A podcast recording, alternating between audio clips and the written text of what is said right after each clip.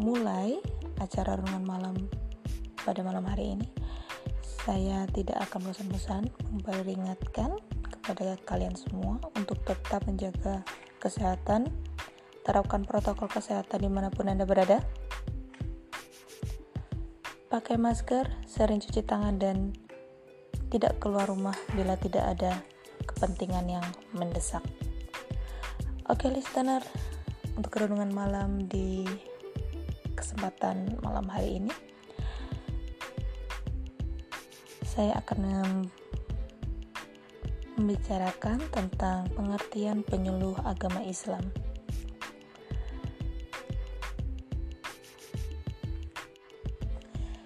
Listener, saat kata KUA saya ucapkan, kira-kira apa yang ada di benak kalian? Kebanyakan orang pasti berpikirnya setiap ada orang yang bilang KUA itu berurusan dengan satu kata, nikah.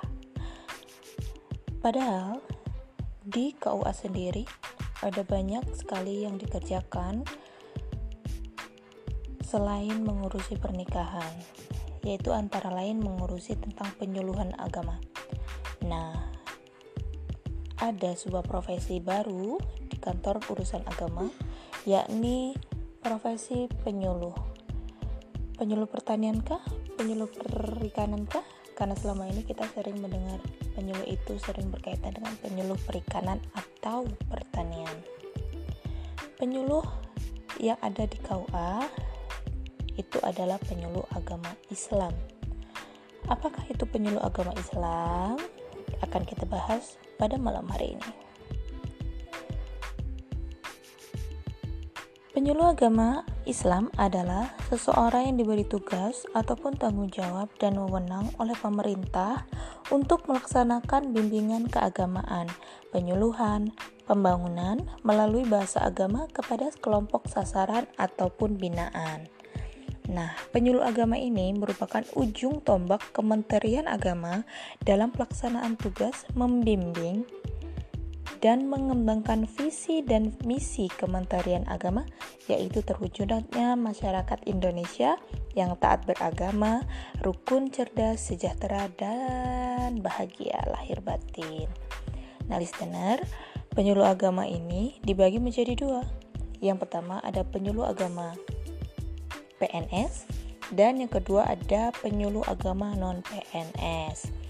Nah, penyuluh agama Islam PNS ini menduduki jabatan fungsional sebagaimana penghulu atau pejabat fungsional yang lainnya.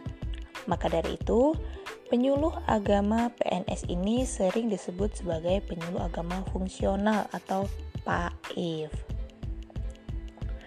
Penyuluh agama adalah seorang pegawai lapangan ya listener. Jadi mereka terjun langsung ke masyarakat Tugas pokoknya ada empat sesuai dengan keputusan Menteri Agama nomor 516 tahun 2003 yakni tugas pokok penyuluh agama Islam ada empat yang pertama informatif ada edukatif, konsultatif, dan advokatif. Karena fungsionalnya itulah, penyuluh berkantor di kantor urusan agama pada tiap-tiap kecamatan. Itu apabila penyuluh agama Islam PNS. Tetapi penyuluh agama Islam non PNS juga berkantor di kantor urusan agama. Penyuluh agama Islam non PNS biasanya dalam satu kecamatan terdapat 8 orang penyuluh agama. Nah, mereka atau penyuluh agama non-PNS, PAIF-nya, dan kepala KUA-nya berkoordinasi dan bersinergi dengan staf di bawahnya maupun instansi-instansi terkait dalam melaksanakan tugasnya membimbing dan mendampingi umat.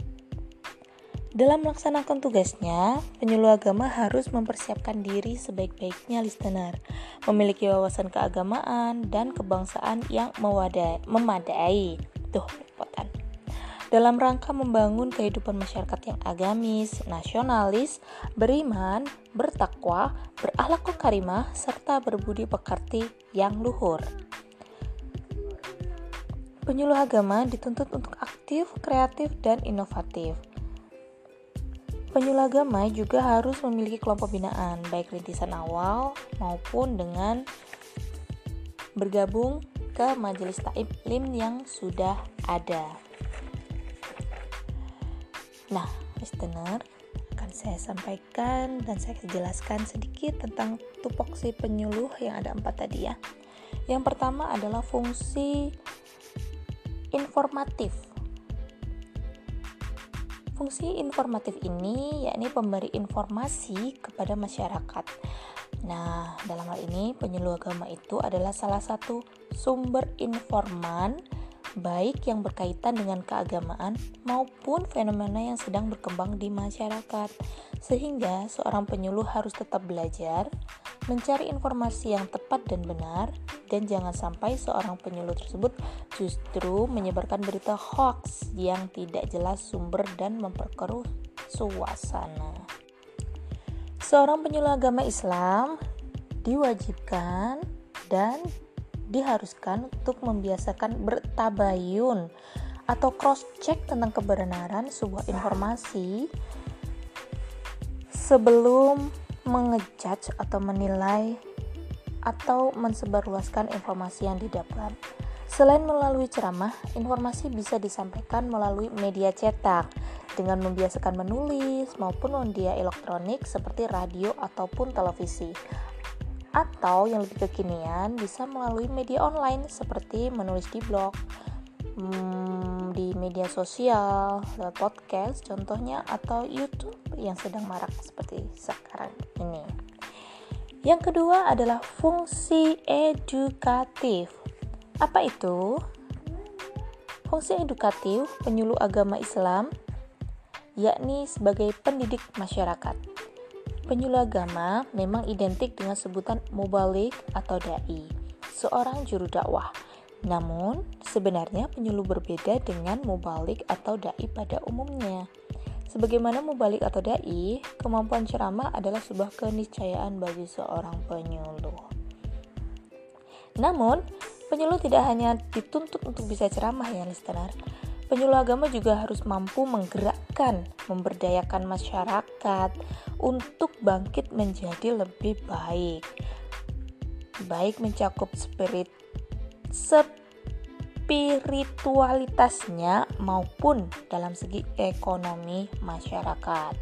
Nah, sehingga penyuluh agama ini nantinya bisa menjadi seorang motivator sekaligus pendamping masyarakat untuk berdaya melalui sinergi dengan berbagai pihak yang relevan dengan program yang dijalankan seperti itu.